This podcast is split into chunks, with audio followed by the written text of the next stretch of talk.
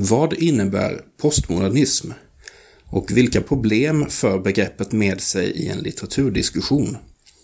Lovisa Brännstedt samtalar med Viktor Malm om hans doktorsavhandling om Katarina Frostenson och Stig Larsson. Inspelat under Bokmässan i Göteborg 2019. Då säger jag varmt välkomna till Lunds universitet Monter och varmt välkommen till dig Viktor Malm, Tack. filosofie doktor i litteraturvetenskap och vikarierande kulturchef på Expressen. Ja, redaktör, inte. Redaktör! Viktigt. Attans. Men jag får ändå säga grattis till båda, båda är ganska nyligen eh, erövrade titlar. Ja, disputerade i juni på en lördag. Sen flyttade jag till Stockholm söndagen därpå och sen började jag mitt nya jobb som kulturredaktör på måndagen. Så det har varit ganska ansträngande period i livet, ärligt talat. Ja, jag kan tänka att inte, man, inte, man är inte jättefräsch efter att man har disputerat kanske. Nej, det var... Nej. Jag var nog ett vandrande lik i två månader, mer eller mindre. Mm. Uh, blek, trött, ville bara sova. Ja, Ja. det är så det är, Mm. antar jag. Men nu, ett par månader senare, så är du ju här i denna lugna tillställning som är Bokmässan. Ja, men det här är Ja. ingenting. Ja, vad härligt. Och vi ska ju prata om din avhandling, Är det detta som kallas för postmodernism? Och Mm. när jag eh, fick den i min hand och jag såg titeln och jag öppnade så tänkte jag att det här är ju ett modigt ämnesval. Alltså, postmodernism, det är inte så att man, folk inte haft åsikter om det som begrepp förut. Hur tänkte du när du ville ge dig in i det här? Eh, jag ville faktiskt inte ge mig in i Nej. det. Eh, jag, jag ville skriva en avhandling om Katarina Frostenson och Stig Larsson och tidskriften Kris från början. Och så hade jag någon ganska dum idé om att de gestaltade ett avantgarde efter avantgardet. Men sen, ungefär två år in i min forskning, insåg jag att det var en ganska dum idé. Uh, att jag nog hade fel. Och då eh, gick jag tillbaka till någonting jag hade varit intresserad av när jag var ganska mycket yngre. Så här, där frågan vad det postmoderna är och det kopplades ganska naturligt ihop med tidskriften Kris eftersom de kallades postmodernister. Och det brukar anses, tidskriften Kris är alltså en tidskrift som Horace Engdahl och Stig Larsson och ett par andra, Anders Olsson, var, var redaktörer för. Uh, jag har alltid tyckt det var lite konstigt att de kallades just postmodernister eftersom min uppfattning var att den svenska litteraturen generellt inte hade särskilt mycket postmodernism om man jämför det med den amerikanska men också den danska, i alla fall inte postmodernism i konventionell mening. Och eh, då bestämde jag mig för att ja, men, jag tittar på det här begreppet. Jag undersöker det här begreppet. Hur har det fungerat? Vad har det betytt? Varför har det häftats vid de här poeterna som, jag är intresserad, som jag, är de jag är främst intresserad av att undersöka även om titeln på boken ger sken av något annat. För det kanske vi också ska säga att när nu, du talar om postmodernism i avhandlingen så menar du det som en litterär stil, så att det är en lite snävare definition än den väldigt vida, eller? Ja, jo, jag försöker undvika att prata om postmodernism Ja. som en stil. Men jo, när jag, när jag använder ordet postmodernism pratar jag om en, om en stil. Men Vi kommer komma tillbaka till det, att vi vill föreslå ett annat kanske begrepp istället Mm. Ja, för just ja. postmodernism. Ja, men vi backar bara lite, för du nämnde KRIS och du nämnde Katarina Frostenson och Stig Larsson. Det är de två som står i centrum för din studie. Mm, För att de då anses vara representativa för ett postmodernistiskt svenskt 80-tal. Men hur... Kan du, kan du utveckla det lite mer? Hur kommer det sig att du valde just deras två författarskap? Ja, anledningen till att det passade så bra att göra en undersökning som dels intresserade sig för postmodernism och dels för de här bägge författarna är ju för att de, jag vet inte om de är representativa för 80-talet eller postmodernismen. Däremot har de lyfts fram så, framförallt i litteraturhistorieskrivningen. Och I svenska litteraturhistoriska handböcker så tar man ett exempel på en postmodern vändning i den svenska litteraturen som sker någon gång runt 1980.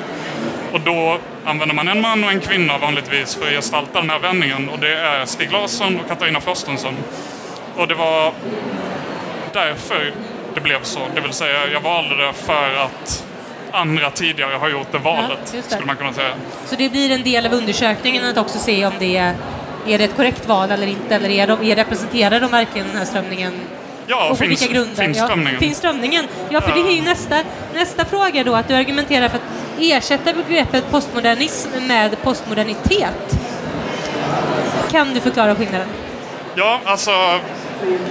Kan försöka göra det så enkelt Ja. som möjligt för att det här, det här är komplicerat varför jag ägnar hundra sidor åt att förklara skillnaden. Uh, Men vi, vi har än så länge gott om tid, så att... eh, Med postmodernism menar man generellt en stil, ett sätt att skriva, ett sätt att uttrycka sig på, ett sätt att ge form, för, om vi pratar i litteratur, liksom, så kan det handla om att man betraktar ett antal formella kvaliteter i litteraturen som postmodernistiska.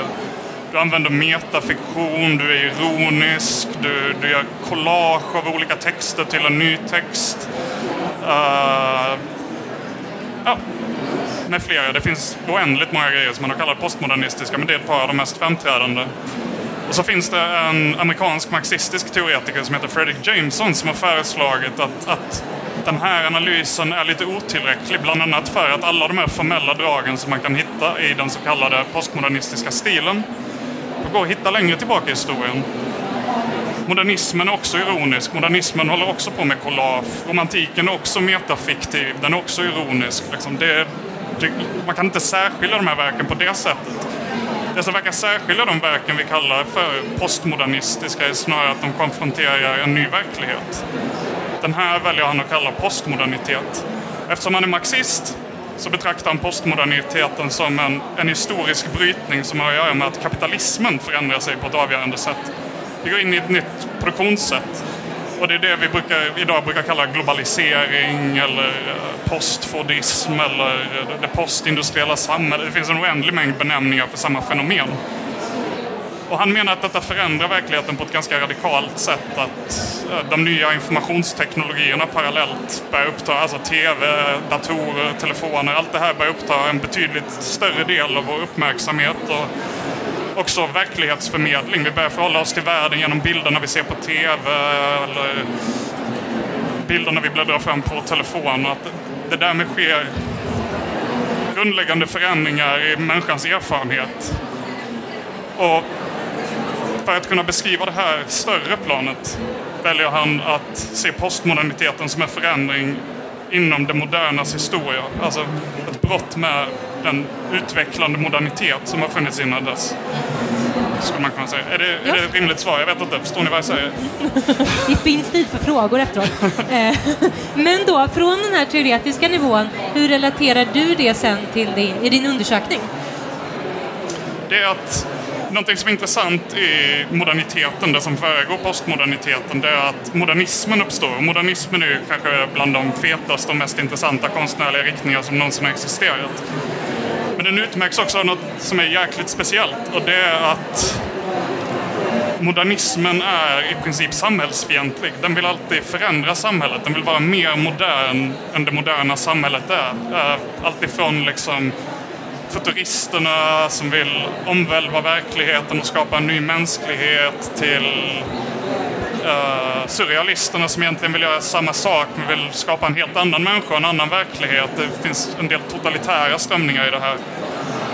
Sen händer någonting på, på 60-70-talet och de här gamla avantgardisterna som vill förändra verkligheten med hjälp av konsten, de liksom hamnar på museer blir del av universitetsutbildningarna, de kanoniseras och de tas ifrån de vapen de en gång gjorde anspråk på. Uh, och då menar jag, samtidigt, samtidigt som att det estetiska, de estetiska formerna de arbetade med fortsätter traderas. Folk fortsätter skriva som man gjorde, som Virginia Woolf gjorde eller som eh, James Joyce gjorde. Den stilen möter inget motstånd, men den funktionen av att vilja förändra samhället med hjälp av konsten, den försvinner helt och hållet. Den blir accepterad, den blir ofarlig, den blir neutraliserad skulle man kunna säga. Och sättet jag kopplar det här långa resonemanget till Katarina Frostenson och Stig Larsson på är att jag menar att det är två poeter som i en ganska väsentlig mening är varse om att det här innebär ett problem för konsten. Mm. I synnerhet Stig Larsson och lite mindre utsträckning Katarina Frostenson kanske. Och vad gör konsten liksom för att revoltera mot den när dess farlighet har blivit något fint? Går det att ta sig ur det här? Att skapa någonting nytt men ändå vara trogen den här modernistiska, fantastiska idén om vad konsten kan vara? Mm. Uh, och det menar jag är, liksom, det, är det dilemmat jag försöker arbeta med i avhandlingen. Ja. För det måste jag säga, när jag läste någonting som slog mig när jag läste din avhandling som är ganska ovanligt i just avhandlingen som genre, det är att du har en ganska prövande, utforskande hållning. Jag tyckte själv när jag skrev min avhandling att man nästan förväntades komma med ganska skarpa resultat, att det ledde till en ganska skarp argumentation, medan du mer prövar dig fram, och jag menar inte på ett osäkert sätt, men på ett ganska öppet så, ja, Ja, men det är nog lite osäkert. Ja. Nej. Jag vet inte om jag har rätt. Det kan väl mycket väl vara så att man har fel. De flesta har fel. Och, Men också med ett ganska aktivt författar-jag. Alltså man, Ja. man hör, din röst är ju närvarande i avhandlingen. Ja, det är, tack så mycket. Ja, ja, Eh, jag tycker också det här prövande låter fint. Eh, Men jag har, aldrig, jag har aldrig blivit tillsagd eller uppmuntrad att vara så här fastslående Mm. eller, eller starkt argumenterande egentligen. Det är ingen som har uppmanat mig att skriva så. Och jag ser också att de, de forskare jag på något sätt har mallat mitt sätt att skriva efter var Horace Engdahl kanske det stora exemplet präglas av något liknande, någonting prövande och sökande. Så kanske är mer intresserad av färden än målet. Och, och lite så känner jag också. Slutsatserna kanske inte är så briljanta men jag hoppas att man har kul på vägen till dem. Liksom. Det har man när man läser, kan jag intyga. Eh, men om vi, vi, vi hänger oss kvar lite just i forskningen. Jag tänkte, Stig Larsson är ju medialt omskriven och har ju varit sedan 80-talet. Men hur mycket litteraturvetenskaplig forskning om Stig Larsson finns det? Hur mycket har du behövt förhålla dig till? Jag vet, alltså ganska mycket. Ja. Eh, inte jättemycket. Nej. Om hans poesi finns det i princip ingenting. Det finns en avhandling uh, egentligen. Och sen finns det en del som har skrivits om hans romaner. Det finns en avhandling med en bok, samma bok som jag koncentrerar mig mest på, Nattade miner. En fantastisk bok som jag rekommenderar alla att läsa. Eh, sen finns det en del om hans prosa. En avhandling i teologi faktiskt, Jaha. eh, om Stig Larsson från 1994, vilket är I vilken, vilken aspekt? Det måste vara det här är ett Ja, det är Men... Stig Larssons idé och romanvärld. Väldigt ambitiös uttolkning av hur Larsson ser på världen, hans metafysik, hans moral. Och, Spännande. ja, Ja. en bra bok. Eh, men jämfört med om man sätter sig med Verner von Heidenstam eller Esaias Tegnér så är det ju ett väldigt magert forskningsläge. Så man har mycket utrymme för att det det är både svårt och, och, och bra Mm, att ha, ja. ha det utrymmet. Jag menar, finns det mycket forskning, finns det mycket att ta stöd mot och liksom hanka sig fram så här med hjälp av andra. Finns det inte det så måste man komma på sina idéer själv. Eh, För min, min fördom då säger att det finns mer skrivet om Katarina Frostenson än Stig Larsson. Ja, Eller? så, det finns inte så mycket skrivet om Katarina Frostenson heller egentligen. Mm. Eh, det finns... Det finns ingen monografi om hennes poesi till exempel, men man kan väl säga att så här lite mer celebra litteraturvetare som Karin Franzén, Anders Olsson som nyss var ständig sekreterare i Svenska Akademin har skrivit om henne. Eh, och det är väl också böcker som i större utsträckning har nått kultursidor, i större utsträckning har citerats i andra böcker. Så, här, så att den forskningen har nog varit lite mer framträdande. Och jag skulle väl också kanske säga att jag stöder mig ganska mycket mer på den forskningen. Så att jag, intrycket i boken är väl uppenbart att det finns mer forskning om Katarina Ja, Frostenson. ja. Ehm, Jo, jag tänkte en annan fråga då, när vi just pratade om Katarina Frostenson och Stig Larsson. Jag kommer själv från antikhistoria, så jag är ju van att skriva en sak som ligger väldigt långt tillbaka i tiden. Så då måste jag fråga, hur är det att skriva om författare som fortfarande är aktiva?